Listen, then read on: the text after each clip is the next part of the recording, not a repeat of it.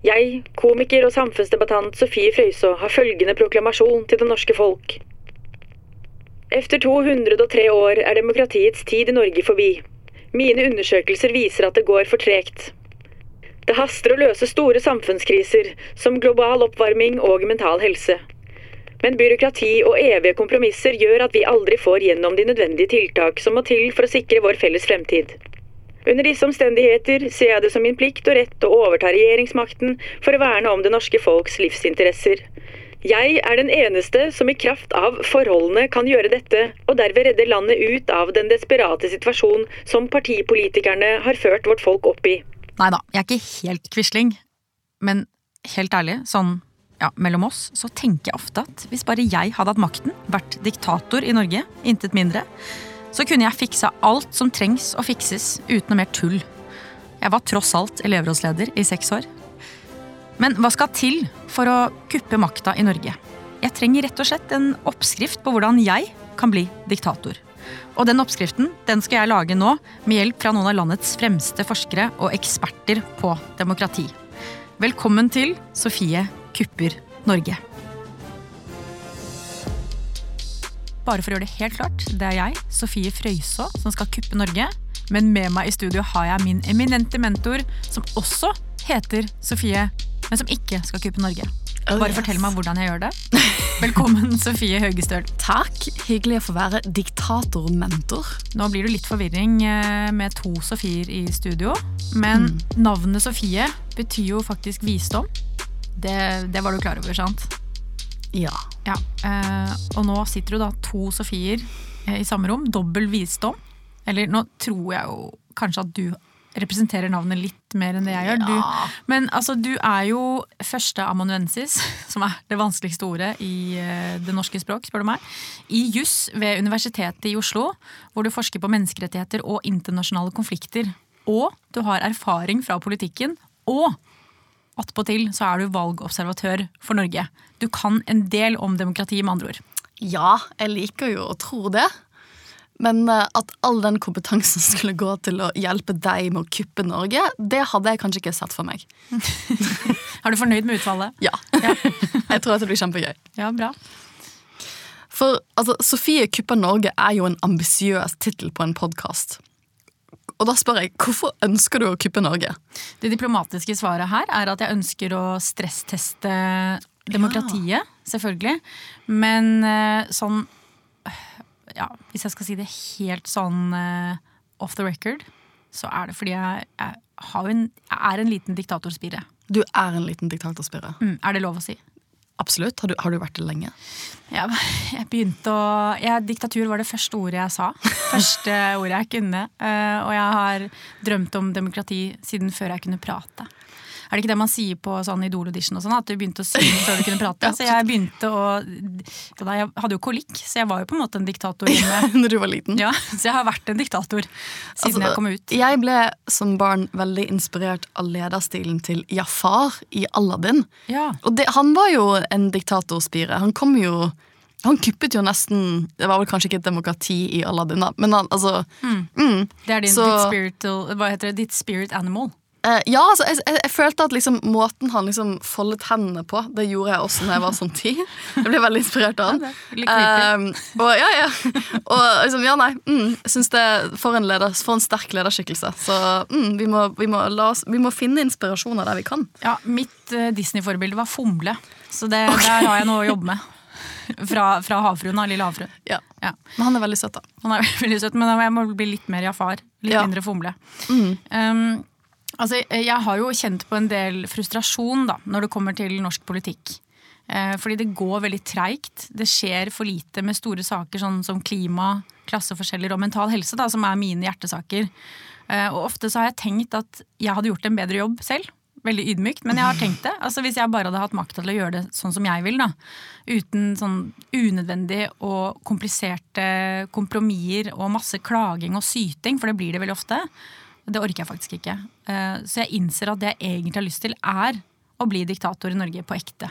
Ja, Du har bare lyst til å ta over styringen, få bort alt det poengløse politiske spillet og sytingen, og gjennomføre de sakene og jobbe liksom aktivt for de sakene du mener er riktige. gjør det litt mer effektivt. Ja. Fordi at det går så treigt. Mm, for du har en følelse at diktatur kanskje er litt mer effektivt enn det vi holder på med for tider i Norge?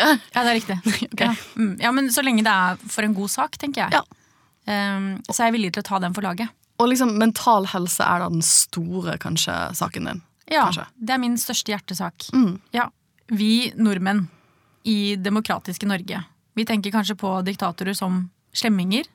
eh, Men er de alltid det? Eller kan diktatorer også være veldig effektive og bare ordne opp der demokratisk eh, sneglepolitikk har feila, da? Det er et utrolig spennende spørsmål. Jeg bodde jo i Singapore som barn. Og Singapore er kanskje ikke det vi tenker på som et sånn hardt diktatur, men det er jo et land hvor han som styrer Singapore nå, er sønnen til han som pleide å styre Singapore. Og det er jo et land som man ikke klassifiserer som et demokrati, heller som et mer eh, autoritært styre. Men de har valg, da. Men det som var interessant med å bo i Singapore, er at jeg tror at der følte jo, kunne man jo av og til føle akkurat det at um, ting gikk mer effektivt, for man hadde ikke så lange beslutningsprosesser som vi har i Norge. Det var en, Jeg møtte en um, tidligere norsk, jeg tror faktisk han var statsråd, som, i Singapore mens vi bodde der, som sa til meg at han hadde sittet i komiteen som skulle bestemme hvor Norge skulle ha, eller Oslo skulle ha ny flyplass. Dette er jo lenge, lenge siden, da. Og så har de liksom sitter på Stortinget, de har en komité, og så skal de reise på sånn inspirasjonsreise. Så de reiste til Singapore, for Singapore er en av verdens beste flyplasser, Changi Airport. Og så ser de seg rundt, ser veldig bra ut, eh, og så reiser de hjem igjen, de har lært masse. Og så skjer det jo mye frem og tilbake-kluss, som det av og til gjør, og så blir det en ny komité som skal på nytt utrede hvor den nye flyplassen i Oslo skal være. Eh, Og de reiser på en ny studietur, og da reiser de tilbake til Singapore. Og han er jo fortsatt inn, han er også med den nye komiteen. Og så kommer de til Singapore, på Chang Airport, og så er han litt sånn Hæ? Er det vi Er dette samme sted som vi var sist? Og så skjønner han at i den tiden hvor det norske demokratiet har gått frem og tilbake, lagt ned en komité, lagt en ny en, reist til samme sted, så har Singapore bare smelt opp en hel ny del av flyplassen sin. Ja. Og da var det litt sånn hmm. Sånn kan man også gjøre det, hvis man bare liksom har et sentralstyre som tar beslutninger ganske raskt. Og det er jo kanskje en av de tingene som jeg hører også bli sagt av folk som f.eks. er veldig engasjert i klimasaken. At eh, klima er jo en veldig utfordrende sak, for, tror jeg, for hele alle land i verden er å skulle håndtere. Ja. Ja, eh, liksom, for det, det krever jo egentlig at vi må kanskje endre livsstilene våre. Og det står langt inne. Vi må kanskje slutte å bore etter olje. Eh, vi må kanskje slutte å leve så forurensende liv som det vi gjør. Og det er jo ikke politikk man blir populær av, nødvendigvis. Og da er det jo sånn, et sånn interessant tankeeksperiment eller spørsmål som noen har stilt, og det er hadde det vært lettere å få gjennom en del av de nødvendige klimaendringene i et mindre demokratisk styresett, hvor du har en sentral diktator, da, som bare kan si at vet du hva, vi gjør dette her. ja, for det går veldig sakte. Ja. Og det haster. Og det er jo litt jeg pleier å si til jeg underviser i statsrett på UiO. Sånn grunnlovsrett. Og, jo, og da, gjør vi, da gjør vi jo først sånn mye om det norske demokratiet. da. Og det er det jeg pleier å si til studentene mine, at vi har jo utviklet et modent demokrati i Norge. Og modent demokrati betyr at vi har mye medbestemmelse. Og det er jo en fin måte å si at vi skal inkludere ganske mange forskjellige grupper når vi tar beslutninger. Det er jo en viktig del av demokratiet, men det tar lang tid. Eh, Da skal man ha høringer. Man skal gjerne ha ekspertutvalg som går og spør folk om hva de syns, eller liksom sitter og utreder hva som er beste løsning her, og så hører de innspill fra mange forskjellige samfunnsgrupper. Eh, Og så skal det opp i Stortinget for diskusjon, og så skal stortingspartiene kanskje snakke med litt, litt forskjellige grupper igjen. Og så tar man en beslutning. Og det tar tid. Ja, det er mange råd og utvalg og komiteer og Ja. Ja. Og da er det, da er det Da får man kanskje ikke tatt den type beslutninger på Altså ikke bare på en par måneder, men det kan ta år, da. Gjerne. Og ikke sant, igjen, klimasaken. Vi vet, eller det er så mye forskning som sier at det er nå vi må handle. Og da er tid litt viktig. Mm, og tid er også litt eh, viktig i denne podkasten, for det er så mange ting jeg har lyst til å undersøke og lære mer om. For eksempel hva påvirker folk når de skal stemme på en leder eller et parti? Finnes det effektive og gode diktatorer? Hvordan kan jeg påvirke mediene? Hvilke elementer i det norske demokratiet er enklest å manipulere? Og hvordan blir jeg partileder? Det er så mange ting jeg vil finne ut av, men aller først trenger jeg et overblikk. Ja. Og da passer det jo veldig bra at vi har fått besøk av deg, Karl Henrik Knutsen, som er professor i statsvitenskap ved Universitetet i Oslo. Velkommen hit. Tusen takk for det. Aller først så lurer jeg jo på, hva må et land ha for å kunne kalle seg et demokrati?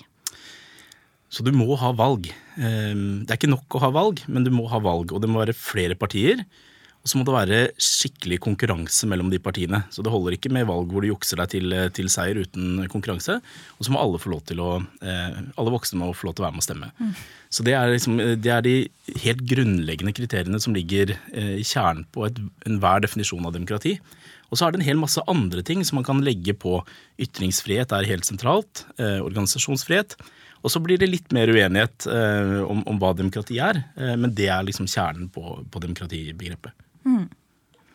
Kan du gi noen eksempler på demokratiske institusjoner? Ja, så valg har jeg jo nettopp, eh, nettopp nevnt. Eh, Men de valgene kan jo da være både til, til parlamenter, eh, altså vi har Stortinget, Stortinget Norge, og noen land har da eh, eh, valg direkte til øverste, øverste leder, utøvende myndighet, altså presidentvalg. Så valg, eh, et velfungerende eh, parlament, altså eh, som Stortinget i Norge, det er, de er eh, viktige institusjoner. Så har man demokrati på flere nivåer. Ofte har du lokaldemokrati, så du har lokalvalg og eh, bystyrer og, og sånne ting. Og så har du eh, politiske partier, eh, som er en annen type som, organisasjoner som, eh, som, som, er, som er viktige i, eh, i demokratier. Og det er, det er mange, mange flere. Elevråd, for eksempel? Ja, det er jo, det er jo et utslag av, eh, av demokrati på et noe, noe lavere nivå. Det, ja. Men hva med rettsstaten, da? Rettsstaten er, er også viktig, i hvert fall i, i noen definisjoner av demokrati. Eh, så den definisjonen jeg selv ville Hvis jeg ble tvunget til å definere demokrati sånn jeg tenker på det, så er rettsstaten viktig. Eh, og det er fordi det hjelper ikke å ha valg hvis det er slik at, eh, at øverste ledere, politikere, kan trampe på rettighetene til, til folk og, og på en måte misbruke makten uten å ha begrensninger på seg. Så det er veldig viktig at du har et lovstyre, rettsstat, og at det gjelder også politikerne. Eh, For om du bare velges inn, og så bare gjør akkurat som du, som du vil, eh, så er du en valgt diktator. Eh, Kan du gi noen eksempler på sivile rettigheter? Ytringsfrihet er, eh, er helt eh, sentralt. Um, organisasjonsfrihet, muligheten til å, til å danne eh, nye partier, eh, nye, nye klubber, organisasjoner. Forsamlingsfrihet, det at man får lov til å møtes, eh, snakke sammen, organisere protester. Det er, det er kjernen. Men også bevegelsesfrihet. At man får lov til å dra på hytta i, i påsken f.eks. uten politisk innblanding. Innimellom hører man om land som har blitt mindre eller mer demokratiske enn de var før. Det får det til å høres ut som om demokrati er på en slags skala, eller et spektrum, um, enn mer enn at det er en absolutt tilstand. Stemmer det? Jeg vil si at det stemmer. Eh, Der vil du få litt forskjellige svar, avhengig av hvem du spør. Eh, Så det er noen som forsvarer denne ideen om at på samme måte som du ikke kan være halvt gravid, så kan du ikke være et halvt demokrati. Så Det er faktisk en metafor som har blitt brukt. Jeg syns ikke den fungerer så, så godt, egentlig.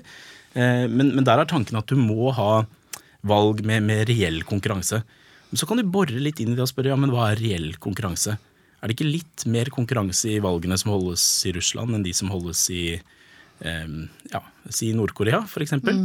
Eh, og så når man da begynner å tenke på det og se på liksom grader av konkurranse, grader av del deltakelse så, så i mange vesteuropeiske land, eh, hvis du går tilbake til 1800-tallet og 19, til 1900-tallet, så fikk du en gradvis utvidelse av stemmerettigheten til stadig nye grupper. Eh, og idet alle voksne menn får stemmerett, så blir du litt mer demokratisk. Og så blir du mer demokratisk når kvinner igjen får stemmerett. Så sånn sett, hvis, hvis du tenker på demokrati som at befolkningen er med å kontrollere politikken, og har mulighet til å kontrollere politikerne, så er det jo grader av kontroll, og grader av liksom, hvor mange får lov til å være med. Det er En interessant sammenligning av halvt gravid. Altså, Hva er Nord-Korea da? Det er vel ikke et Ikke- embryo engang, kanskje? Ja, for det, Du mener jo da at Russland er mer demokratisk enn Nord-Korea. Men eh, ja, eh, hvis du bruker en sånn gradert mm. skala. Men Russland er fortsatt svært autoritært. Ja. Eh, og det sier også de fleste av disse graderte demokratimålene som finnes. Så her er det snakk om å gå fra, gå fra en F til en eh, E, e pluss, kanskje. Ja, Så det er fortsatt, fortsatt på laveste enden av den mulige skalaen. Virkelig laveste enden av skalaen. Og Hva er toppen av skalaen? Hvilken, hva er landene vi trekker frem da? Eh, Norge trekkes veldig ofte frem. Så eh, Det finnes mange forskjellige demokratirankinger. Eh, og Norge kommer gjerne mot toppen sammen med de andre nordiske landene. Eh, men også eh, land som f.eks. Estland har, har skåret veldig høyt de siste årene. Eh, så det er en spredning også i toppen hvor, hvor disse landene plasserer seg geografisk. Men dette er, det er land som eh, scorer høyt på nesten alle dimensjoner, men som fortsatt har litt igjen til idealet. Eh, For Norge er heller ikke et perfekt demokrati, så det er fortsatt noe å strekke seg etter. Så det er ingen demokratier i dag som er perfekte. Nei, Det er vanlig å tenke på demokrati som et ideal. Eh, og det er klart, det å sikre at eh, folket fullt og helt kan kontrollere eh, hva politikerne gjør, og at alle får delta på like premisser, det er vanskelig å sikre når noen f.eks. sitter på mer penger enn andre, og noen eh, skriver reglene eh, som den konkurransen foregår i. Og tror du, altså, Er det vanskeligere eller lettere å kuppe et demokrati som er på toppen av skalaen? Det er vanskeligere. Det er er, vanskeligere. mye vanskeligere. Så okay. her er det en skikkelig, skikkelig jobb. Så det ville vært lettere for Sofie å kuppe Russland eller Nord-Korea? Ja, de landene eh, eh, altså det, er, det er mange kule studier. Nå begynner jeg å snakke om de sånn statistiske statsvitenskapelige studier som ser på Vi elsker det. hvilke det er veldig bra, hvilke regimer er det som er mer ustabile og som har eh, mer endring. Eh, og der er det eh, sånn at de landene som ligger på midten av skalaen, ofte er mer ustabile. Så, så hvis jeg skulle begynt å kuppe et land, så, så ville jeg prøvd på et ungt eh, litt autoritært eh, regime, men som allikevel hadde valg og ikke var fullt og helt autoritært. For det er ikke lett å fjerne Putin eller eh, Kim Jong-un Nei, for de sitter så solid på deres autoritære poster. Ja. Så du ville heller valgt et sånn ungt og vaklende demokrati. ja. Mm, Som vil- for eksempel. Eh, ja, skal vi se eh, Ta et land som har vært mye mye fram og tilbake. Bolivia, f.eks. Selv om det ikke er et demokrati eh, antagelig nå. Litt avhengig av hvor du setter, eh, setter terskelen. Men du har jo også eh, Tunisia kunne vært et annet, eh, annet eksempel. Em, så land som har hatt mye regimeendring historisk, og, og hvor, det er, hvor det ikke er enighet om spillereglene, men du fortsatt ikke har en diktator som har befesta seg.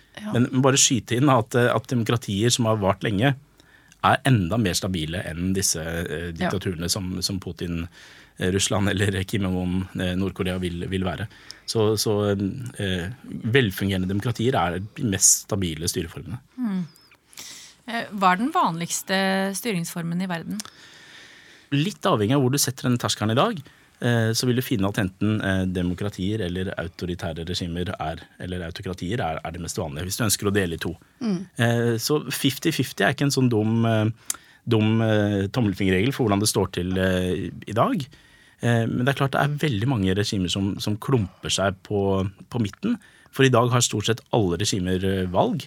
Det er bare at det jukses eh, og, og manipuleres med ulik grad. Så, så i, i denne midten av skalaen eh, er det tett befolka, eh, kan du si. Ja, for jeg har lest at den mest, altså Hvis du er et menneske i verden i dag, så er det størst sjanse for at du bor i et autoritært regime med valg. Ja. Ja. Og det, det stemmer.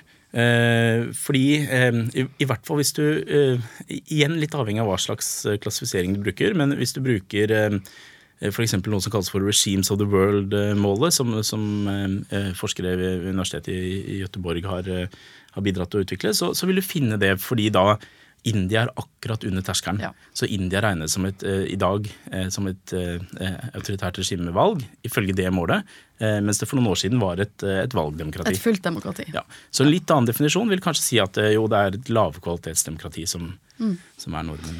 Så det betyr jo egentlig at det er ganske mange som styrer verden gjennom å være mer autoritære regimer, men allikevel later som de er demokratier Vi har valg. Mm, det er gode nyheter for meg. Ja, for jeg har lest, har jo lest litt i en, en del forskningsrapporter du har bidratt til, og de viser jo at vi har jo vært i en sånn demokratisk nedgangstid de siste 10-15 årene i verden, egentlig. Kan du si litt om det? Ja, eh, vi har det. Ehm, og, og spesielt eh, de siste årene så, så har det jo vært en del store og tunge land med, med, høy, eh, med mye befolkning som har gått i gal retning. Mm. Um, det er gjerne ikke sånn at du går ikke rett fra et demokrati til et rent hardcore diktatur. Så det går gjerne eh, gradvis, og det går gjerne litt sakte. Um, Men trenden har vært, eh, ikke vært bra de siste årene. Og så er spørsmålet hvor, hvor dypt er det fallet. Og der er det nok mange som, eh, som overdriver hvor, hvor, sterk trenden er. Men det som er bekymringsfullt, er at de landene hvor det har gått i den gale retningen, det er gjerne tunge, viktige land mm. med innflytelse på, på, andre land, så dette kan spre seg videre. Og så har mm. noen land gått i, i riktig retning også. Hvorfor er det sånn at det har gått nedover? Eh, det er, det er, et kjempegodt spørsmål. Eh, her er, det, her er, det, mange ting som er inne og bidrar. Men hvis du ser på demokratihistorien fra liksom slutten av 1700-tallet og franske og amerikanske revolusjoner utover, så har eh, demokratisering og autokratisering, om du vil, da, altså den motsatte prosessen på verdensbasis, gått i bølger. Så du har store perioder hvor det går oppover, og så snur det, og så går det nedover. Og det er det flere grunner til. Én er smitteeffekter. Så hvis noen land først, hvis noen land av en eller annen liksom hjemlig eh, grunn pga. politikken i det landet snur, så kan det her påvirke også situasjonen i naboland. Så autoritære regimer er smittbare? De er smittbare, og det er demokrati også. Wow. Så Eksempler på land som har gått i, i gal retning de siste årene, er eh, Tyrkia er jo et, et veldig klart, eh, klart, og tydelig eksempel. Eh, Brasil også, under, under Bolsonaro, er, er, et eh, annet eksempel på et stort land som har gått i gal retning. I Europa har vi Ungarn og Polen, som er enda større i, i befolkningstall. Og så har, eh, hvis du bruker disse graderte målene, så gikk definitivt USA også i gal retning under eh, Trump. I dette bildet, hvor eh, vi sier da at demokratiet har vært under press de siste ti årene mm. i verden, så leder du en forskningsgruppe sammen med Sirianne, som vi skal snakke med senere, ved Universitetet i Oslo, som har fått i oppdrag av Kommunal- og moderniseringsdepartementet om å gå det norske demokratiet etter i sømmene. Hva er det dere prøver å finne ut av i dette prosjektet? Så her tar vi et veldig bredt eh, perspektiv på hva demokrati kan være. Så vi ser på forskjellige typer definisjoner av demokrati. Det liberale demokratiet, eh, valgdemokratiet, eh, det liberativt demokrati, hvordan vi diskuterer. Så, vi har veldig mange forskjellige dimensjoner. Og så tenker vi igjen på demokrati som et ideal. For det er ikke noe tvil om at Norge er blant de landene som er mest demokratiske i verden. Men så, siden demokrati er et ideal, så har det fortsatt noe å strekke seg etter. Og Så skal vi se hvilke områder er det Norge gjør det relativt bra på, og hvor er det vi fortsatt har noe å strekke oss, eh, strekke oss etter. Så prøve å være veldig fingraderte eh, og, og, og, fokusere på, på, på disse legoklossene. Hvorfor er det viktig å se etter svakheter i Norge, da, når vi ifølge denne rangeringen er et av de sterkeste demokratiene i verden? Så hvis man tenker at eh, mer demokrati er et normativt, altså er, er noe bra i seg selv, da, at, at, det er noe vi ønsker, så, eh, og det å gi eh, befolkningen mulighet til å være med å bestemme politikken på, på like premisser, så er, det, så er, det, bra å perfeksjonere noe som er, allerede er veldig bra. Eh, så selv om vi, vi, kan være ganske fornøyde og klappe oss på skulderen, så er det fortsatt forbedringspotensial, og da, da er det fint i seg selv. Og så er det jo noe med at ingen, altså selv om Norge antagelig er et av de mer stabile Altså, dette her eh, er et vanskelig prosjekt, altså å kuppe det norske demokratiet. Vi er et veldig veldig eh, stabilt demokrati. Men det er klart det å finne, finne sånne små kimer til, til, mulige problemer er jo Jeg kan tenke på det som å, som å kjøpe den tredje eller fjerde ekstra forsikringen. Ja, det, det, er liksom å holde det norske demokratiet friskt, da. Ja. Jeg husker da jeg gikk på videregående og var elevrådsleder. Du var det? Ja, ja. Altså, jeg ser at dere, dere er ikke sjokkerte. Eh, da da husker jeg at jeg, jeg foreslo å ha et sånt uh, antimobbeprosjekt på skolen. Selvfølgelig. Uh, veldig sånn Miss World. Uh, sånn nei til mobbing og nei til uh, krig. Men da sa rektor at vi trengte ikke å ha det, fordi det var ikke noe mobbing på skolen. Nei. Men da husker jeg at jeg sa at om det så var tilfellet, hadde det enda vært så vel, så er det jo like viktig å opprettholde den gode kulturen. Mm. Er det litt sånn det du holder på med nå, Karl Henrik? Ja, Du var en mye klokere elevrådsleder enn det jeg var. Jeg, jeg, jeg jobba for å få basketbaner til, til, til skolen vår. Du var også elevrådsleder. Ja, ja. Var du òg det, Sofie? Nei. Var du ikke? Nei. skal også sies at jeg fikk eh, satt ned Litagon med én krone i kantina. Det var kanskje det viktigste jeg fikk til. Ja. Veldig håndfast. Fikk, fikk du basketballbane? Eh, vi fikk en kurv, i hvert fall. Eh, det var veldig dårlig. Men, det var noe, det. Det var noe. Eh, men, men eh, jeg, jeg syns det var veldig kloke ord fra den tidligere elevrådslederen, og jeg tenker at det er en, det er en god analogi. Ja, mm. takk for det. Um, jeg er jo nysgjerrig på hva som skal til for å bli diktator i Norge. Du sier at det, det er ikke så gode forutsetninger for meg uh, her, men uh, jeg vil jo da kuppe makten. Mm. Og det aller første jeg tenker på da, når jeg hører ordet kupp, er militærkupp. Mm. Altså type en general da, som vil ha makten og få med seg militæret, og så bare tar over landet på en kveld. Ja. Uh, må jeg bli venner med hele militæret for å gjennomføre et kupp? Det, eh, det, er helt riktig at militærkupp er, er liksom den klassiske formen for, eh, for, kupp, og det de fleste, fleste tenker på. Eh, og det hjelper å være venner med militæret. Du trenger antagelig ikke være venner med alle, men, men noen liksom strategisk plasserte. Og, og regne med at nettverkene deres gjør, gjør resten av jobben. Men kupp kommer i, litt forskjellige former. så Hvis du definerer kupp som en uregelmessig maktovertagelse. Altså du tar over makten på en måte som ikke står i, i Grunnloven, eh, eh, og som er drevet av en liten gruppe mennesker. Altså en revolusjon, da er det mange mange millioner i gatene. Kupp, da er det, det er noen færre som koordinerer. Så er det forskjellige grupper som kan klare å gjennomføre et kupp. Altså Det er lettere hvis du har tilgang til tanks og, og, og, og våpen, men antagelig trenger du bare at militæret ikke griper inn mot deg. Um, så, så palasskupp er det mye snakk om i, i, i tidligere Altså både i, i monarkier uh, Og Hva er et palasskupp? Det høres veldig sånn fint ut. Ja, se, se, for deg at du sitter i et, i et svært, svært, slott, og så er du en del av kongens, kongens, råd. Og så, etter at kongen da har dere hatt møte i, dette kongelige rådet, så, så går kongen ut, og så begynner å snakke sammen og tenke, si at her, her, kjører kongen oss på, på, ville veier. Noen andre trenger å ta over. Eh, sønnen eller datteren eh, hans, f.eks. Ja. Eh, og så eh, eh fjerner man kongen på en eller annen, en eller annen måte. Eh, voldelig eller, eller ikke. I gamle dager var vel det litt voldelig kan jeg se for meg. Gjerne voldelig. Det, ja. det fins andre måter å Så hvis du ser at trusselen kommer, hvis kongen skjønner at her er det hodet eller, eller, eller bare å, å, å gå av. Frivi, frivillig i gåstein gå av, mm. så er ofte det løsningen. Men dette kan også gjelde i diktaturer som ja. ikke har konger. altså at, at, det skjer ting i den indre klikken, i partiet eh, f.eks., hvor man kaster lederen. Men, eh, men sånn ca. halvparten av de kuppene som vi registrerer, blir, blir med forsøket, og så lykkes ikke, så det er veldig risky. Og antagelig er det flere forsøk som vi aldri aldri får høre om. Men så er det et siste type kupp, da, eh, som, som, eh, som, i hvert fall kalles, kalles kupp, og det er selvkuppet. Og det er likt med kupp i den forstand at du gjør en endring i det politiske systemet eh, som ikke er liksom beskrevet i Grunnloven utenfor de vanlige spillereglene, og som ledes av en liten gruppe mennesker, eh, gjerne med én person på toppen. Det som er forskjellig med et selvkupp fra, eh, fra andre typer kupp, er at det er lederen selv som driver denne endringen. Så hvis du blir valgt inn som statsminister, og så skjønner du at du kommer til å tape det neste valget, du har veldig lyst til å fortsette med makten, så gjør du ting for å endre det politiske systemet slik at du blir sittende lenger med makten. Og det er den vanligste måten demokratiet dør på i dag. Det her høres ut som veien inn for min del. Eh, hvis jeg da skal eh, ta et selvkupp, mm. Eh, hva er det første jeg burde fokusere på? Ja, Jeg er helt, helt enig i at det, det, er veien inn. Altså det er nok, eh, i, i Norge så, så, ser jeg for meg at det er den letteste måten å gjøre det på. Bli statsminister, og så, og så kjøre, kjøre selvkupp. Ja, For jeg må bli statsminister først? Ja, du bør i hvert fall bli partileder for et stort, stort parti. Ja. Um, og det hjelper da å sitte ved, sitte ved makten. Og gjerne at du har vært så populær en periode at du har ganske mye spillerom til å du har en flertallsregjering. Helst burde du hatt et såpass stort flertall at du kunne endre Grunnloven også. Da er du, da er du i Orban-territoriet. Da, da, begynner vi virkelig å snakke. Ja, for Viktor Orban er uh, leder i Ungarn. Og jeg er jurist, det er litt det jeg har følt han gjøre. da. Mm. At liksom, Ikke bare er han blir demokratisk valgt, kommer inn, og så begynner han å endre på en del av disse tingene, man kan, altså spillereglene mm. man kan gjøre. da. Eh, og så har han rett og slett såpass mange eh, partikollegaer som han leder i deres storting, da. Mm. At han kan få gjennom de grunnlovsendringene han vil. Ja. Nå skjønner jeg at steg én er å bli partileder. Ja.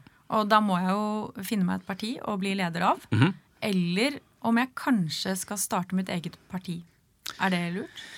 Eh, det å starte et eget parti er veldig ambisiøst. Eh, vi har ganske stabile eh, partier i, i, Norge, men en gang iblant så kommer det jo nye partier. Anders Langes parti som blir til Fremskrittspartiet, man får SV som bryter ut av, eller SF da, som bryter ut av Arbeiderpartiet. Så, så det har jo skjedd. Men, men, jeg vil si det enkleste, og det, det, er fortsatt ikke enkelt, men hvis du klarer å jobbe deg opp i, i Arbeiderpartiet eller Høyre, så vil jo det være helt perfekt. Men er det helt umulig å starte mitt eget parti? Jeg, skal ikke si at det er umulig. Eh, altså det, det, er mulig. Eh, og det kan jo være saker som, eh, som ikke fanges opp av, av, de eksisterende partiene, som bare gjør at folk blir kjempeengasjerte. Og stemmer, stemmer på, på, nye partier, nye politikere, som kanskje ikke har den samme organisasjonen og samme kulturen. Så det, hvis du finner en sak som virkelig kan mobilisere masse av befolkningen og lure, og gjerne noen skandaler i disse etablerte partiene, sånn, så kan det, kan det, være mulig. Men mm. jeg tror jeg hadde satsa på en karriere i Arbeiderpartiet eller Høyre hvis jeg hadde hatt en ambisjon om å ta over. Men folk liker jo underdogs, gjør de ikke det? Jo, folk liker eh, underdogs, så, eh, så her, er det, her, er det, rom, altså. Ja. Ja. Men det er akkurat det jeg trenger å høre. Ja. Tusen takk for at du kom hit, Karl Henrik. Tusen takk for at jeg fikk være med. Vi har lært masse. Det var rett og slett en innføring i demokrati, og det trengte jeg. Ikke sant? Og nå har du et mye bedre grunnlag for å sette deg inn i alle de ulike aspektene ved et demokrati. Som en diktator kan påvirke og utnytte for å både komme til makten og ikke minst beholde den. Ikke sant? Og en annen ting jeg allerede har gjort, er å begynne å lese meg på tidligere diktatorer fra hele verden. Og Det er mange å ta av, men jeg ser at eh, de det blir skrevet mest om, er gjerne de mest eksentriske. De som har helt sjuke hangups på ting.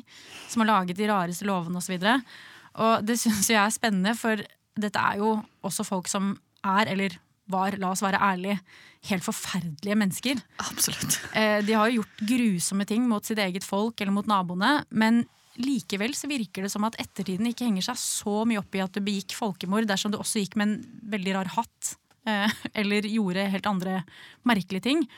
Og da tenker jeg at jeg må bruke dette da, til min fordel. For jeg vet jo ikke hva slags grusomheter jeg selv må skrive inn i diktatoroppskriften min. Men hvis jeg kan avlede oppmerksomheten litt ved å fremstå som litt artig og rar, så tenker jeg jo at det kan være en veldig god strategi.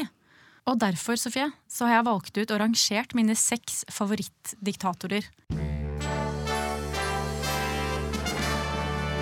På sjetteplass noe så sjeldent som en diktator med halvnorsk opprinnelse, nemlig Kjell Laugerud.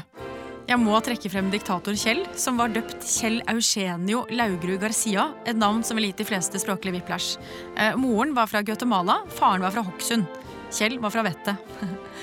Men i forhold til de som kommer etter han i denne spalten, var Laugerud Garcia relativt normal. Han ble valgt, i ordets aller videste forstand, til Guatemalas president i 1974. Fire år senere var folk fortsatt ikke kommet over alle jukset og volden under valget. Ro ned, folkens. Eh, og president Kjell måtte da gå av. Men han var såpass stolt av egne bragder at han kalte barnet sitt Kjellito, altså Veslekjell eller Kjellebass på norsk. Det eneste Kjell Laugrud kunne si på norsk, var Kjell Laugrud, for han lærte seg aldri norsk og besøkte aldri Norge. Han hadde kanskje hørt for mye om Hokksund? Si. Men altså, jeg tenker på deg, Kjell Eugenio. Eh, du gir håp til en norsk diktatorspire som meg selv. Nå har jeg lært litt mer om hva demokrati er, men én ting jeg er nysgjerrig på, er om jeg er den første som ønsker å kvitte meg med demokratiet i Norge, eller om vi har hatt andre diktaturfans opp igjennom. Og en av de aller beste til å svare på det må være Øystein Sørensen, professor i historie ved UiO. Hjertelig velkommen hit, Øystein. Takk. Eh, jeg lurer på om har et norsk parti noen gang prøvd eller ønsket å fjerne demokratiet? Ja, det er mange som har ønsket det, men de har stort sett vært små grupper. Eh, mest kjent av de som virkelig har prøvd, eh, er Quisling og Nasjonal Samling under annen verdenskrig, naturligvis. Men et annet eh, høyst interessant tilfelle som er mindre kjent, det er det norske Arbeiderpartiet i tiden rett etter første verdenskrig. Ja, for det er kanskje ikke så godt kjent for folk der ute? Nei, Arbeiderpartiet ble et erklært revolusjonært klassekampparti fra våren 1918, og ønsket å erstatte det politiske demokratiet i Norge med proletariatets diktatur. De var annet mektig inspirert av den kommunistiske oktoberrevolusjonen i Russland. Du sa et veldig fancy ord. Hva var det du sa? Pu proletariatets diktatur. Ja, Hva betyr det? det? Ja, Hva det egentlig betyr, kan man jo spørre om. Det var eh, betegnelsen på det samfunnssystemet som revolusjonære kommunister eh, ville ha.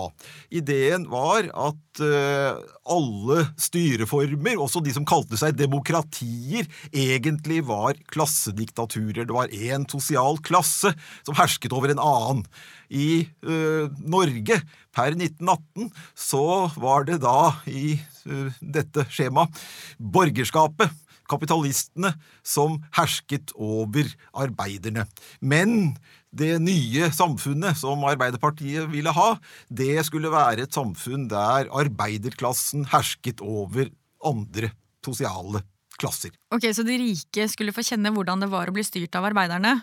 det kan ikke ha vært veldig populært, eller? Altså, Hvordan reagerte de andre partiene? Her må vi huske på at Arbeiderpartiet var ikke noen liten ekstremistgruppe.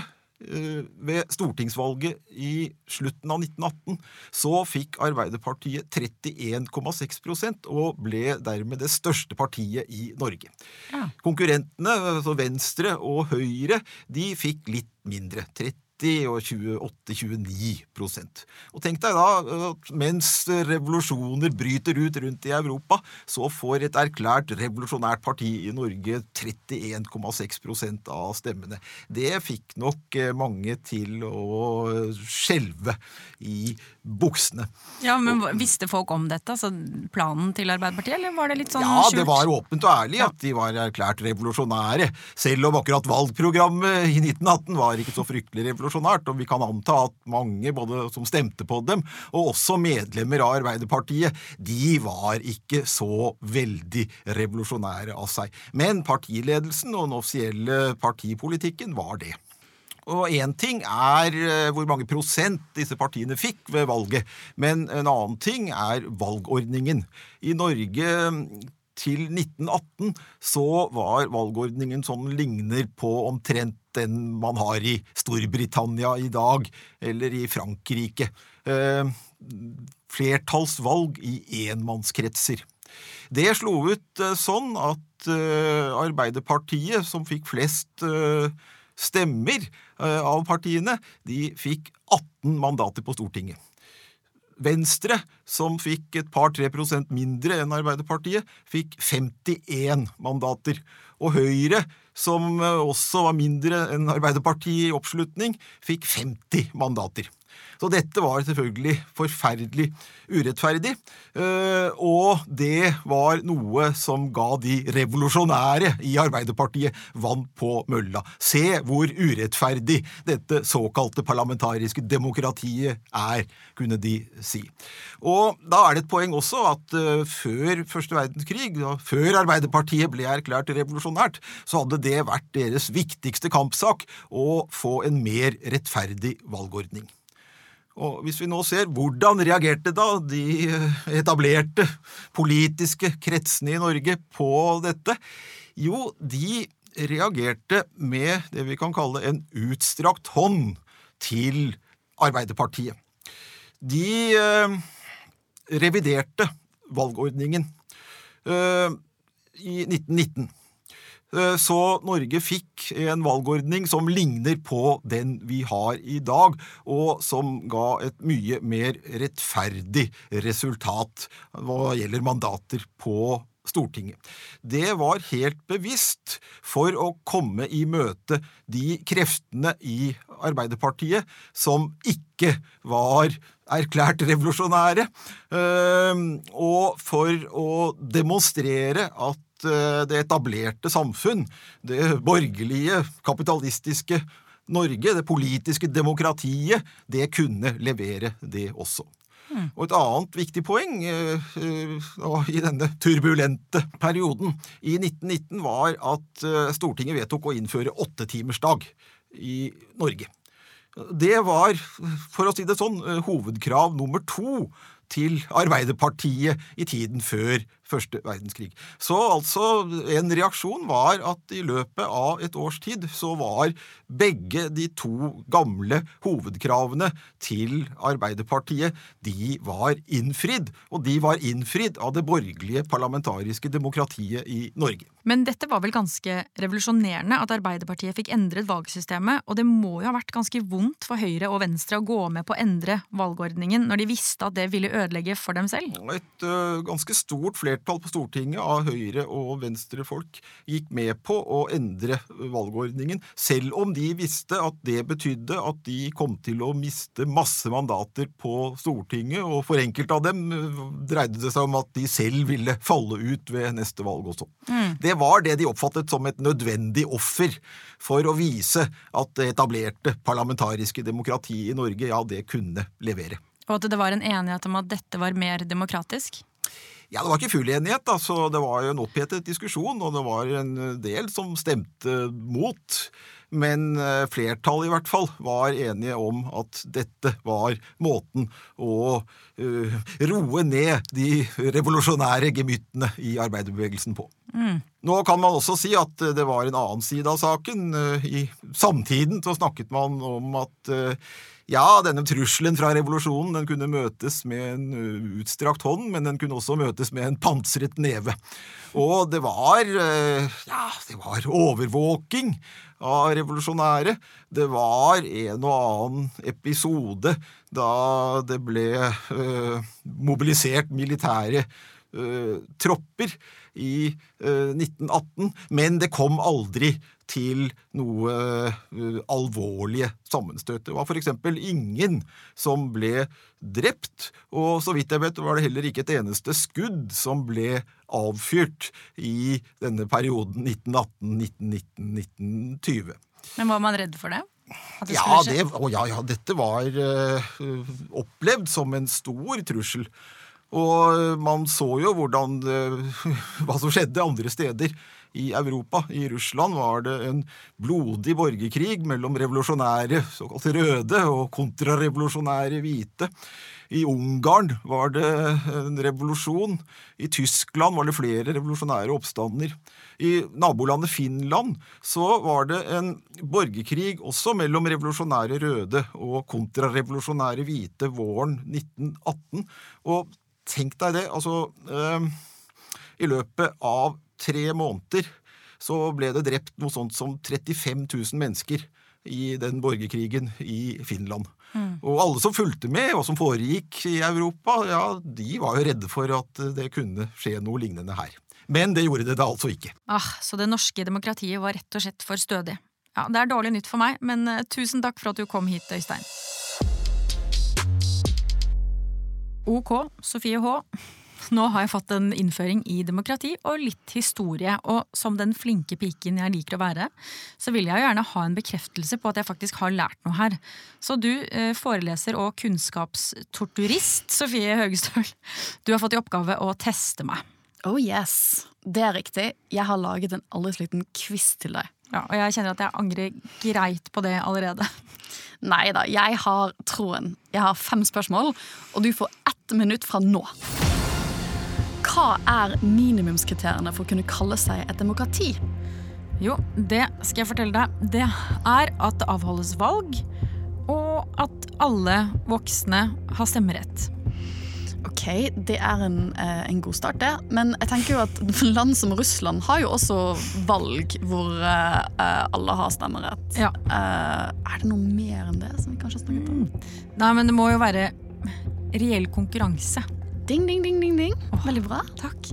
Jeg gir deg uh, la oss si tre fjerdedeler av et poeng for det. Ok. Vær så god. Spørsmål to. Nevn en demokratisk institusjon. Da vil jeg si Stortinget. Veldig bra. Ja. ja. Uh, veldig bra. Spørsmål tre.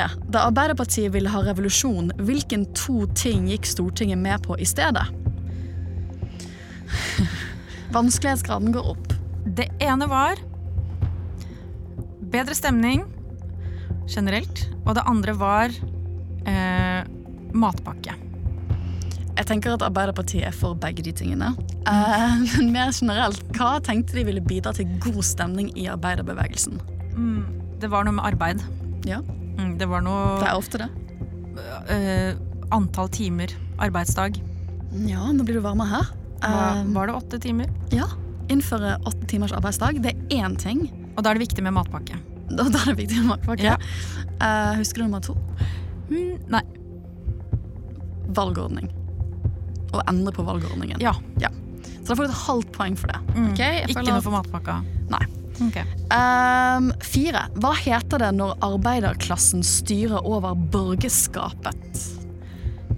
Jeg kan knapt si det ordet. Mm. Borgerskapet. Det heter Det det heter, er arbeiderbevegelsen. altså, jeg tenker det er et veldig godt svar. Uh, det er men, ikke godt nok. Ikke helt godt nok. Altså, fagbegrepet for når arbeiderklassen styrer over borgerskapet, er proletarisk diktatur. Ja, riktig. Proletarisk diktatur. Proletarisk diktatur. Jeg tenker dette er eh, fint sjekketriks for fadderuken. Ja. Ja, studiestart. Mm. Så man kan brife med over en øl. ja typ sånn, Vil du være med på noe proletarisk Diktatur. diktatur, eller? Ja. Fem. Sist, men ikke minst. Dagens viktigste spørsmål. Hvilken Disney-karakter er mitt diktatorforbilde? ja, det vet jeg, og det er Jafar fra Aladdin. Det var bra du sa det var det viktigste, for det er jeg helt enig i. Mm, det er jeg også enig i. Og da kan jeg røpe at etter disse fem spørsmålene har du fått tre og en kvart poeng. Her har vi mye å bygge videre på til de neste quizene våre. Takk, Sofie. Bare hyggelig. Ok, Nå må jeg prøve å oversette det jeg har lært, til noe jeg selv kan bruke i diktatoroppskriften min. Ja. Og hva tenker du er det mest essensielle da? Altså Det Carl Henrik, eller CH, da, som jeg kaller han, eh, sa, var jo at jeg burde bli partileder. Ok. Eh, og hans råd var å bli partileder enten i Arbeiderpartiet eller Høyre, siden dette er de største partiene. Og det er jo de som eh, som regel har eh, statsministerposten. Men Ja, altså Det var jo en vakker tid for 100 år siden hvor det var ofte var Venstre, da. Ja. Men i nyere tid ja, nå er det ikke valgkamp for Venstre her, Nei, Sofie det er Høgestøl. Men eh, jeg tenker jo at det er litt seint for meg å benytte de partiene nå. Fordi da må jeg gå hele den derre eh, stien, ikke sant. Bli partileder først i et ungdomsparti, Mm. og så sommerleir og alt det der. Det er så kronglete, det. Jeg er kanskje litt gammel for sommerleir og ungdomsparti også. Ja, kanskje. Kanskje. Ja, ja. Takk for det, forresten. Men, eh, ja. Og så er det jo veldig store partimaskiner eh, å bli en del av, så jeg tror det blir liksom vanskelig å påvirke politikken deres, for den er så satt. Så jeg har rett og slett tenkt nå å starte mitt eget parti. Ok, du skal starte ditt eget parti. Nå har vi jo allerede ni stortingspartier, og en hel drøss med partier som har blitt stiftet, som ikke har kommet inn på Stortinget. Ja. Eh, hvordan skal du skille deg ut? Jeg hører du sier det, at det er mange. eh, mange kokker, mye søl. Ja. Ikke sant? Og da tenker jeg at eh, nå gjelder det å finne et parti som overgår alle de småpartiene. Fordi den saken som betyr aller mest for meg, er mental helse. Og det, det føler jeg oppriktig at er veldig få av de andre partiene som snakker nok om, eller godt nok om. da. Så jeg tenker at det er en sak jeg kan eie. Så jeg, nå må du holde deg fast, Sofie, jeg skal starte Mental Helsepartiet. Altså, wow. Ja, Det skal være tittelen. jeg ser en tåre i øyekroken. Ja, ja. Det er synd at ikke lytterne ser at du nå ble sånn tårevåt. Jeg ser du blir rørt. Jeg blir det. Altså, er det én ting vi har lært under pandemien, så er det hvor viktig mental helse er. Nettopp. Og jeg tror jo at hvis jeg starter mitt eget parti nå, så blir jo jeg partileder med en gang. Eh, det gjør du. Så den er jo check. Den er check, men tror du at du har de rette kvalitetene for å bli en god partileder? Og en god diktator etter hvert, da? Jeg hører at du stiller det spørsmålet som om du oppriktig lurer. Jeg vet at du vet, Sofie, at jeg kommer til å gjøre meg godt som partileder. Okay, ja. Eh, Men jeg vet jo ikke helt hvilke kvaliteter det er optimalt å ha. Det skal jeg ærlig innrømme. Så det er jo det jeg skal prøve å finne ut av da, i neste episode. Ja, det høres bra ut. Jeg tror jeg har det. Ja, Takk for nå. Takk for nå, og takk til deg som hører på. Ha det! Denne podkasten fra Universitetet i Oslo er produsert av både og ved Stian Letessier. Programleder er Sofie Frøysaa, produsent Hanna Kanon Klingberg. På research Sivert Isaksen Wart. Klippere er Olav Nedberget og Joakim Sandvik. Og ansvarlig redaktør ved Universitetet i Oslo er Arild Blomkvist. Les mer på uio.no – Sofie Kupper Norge.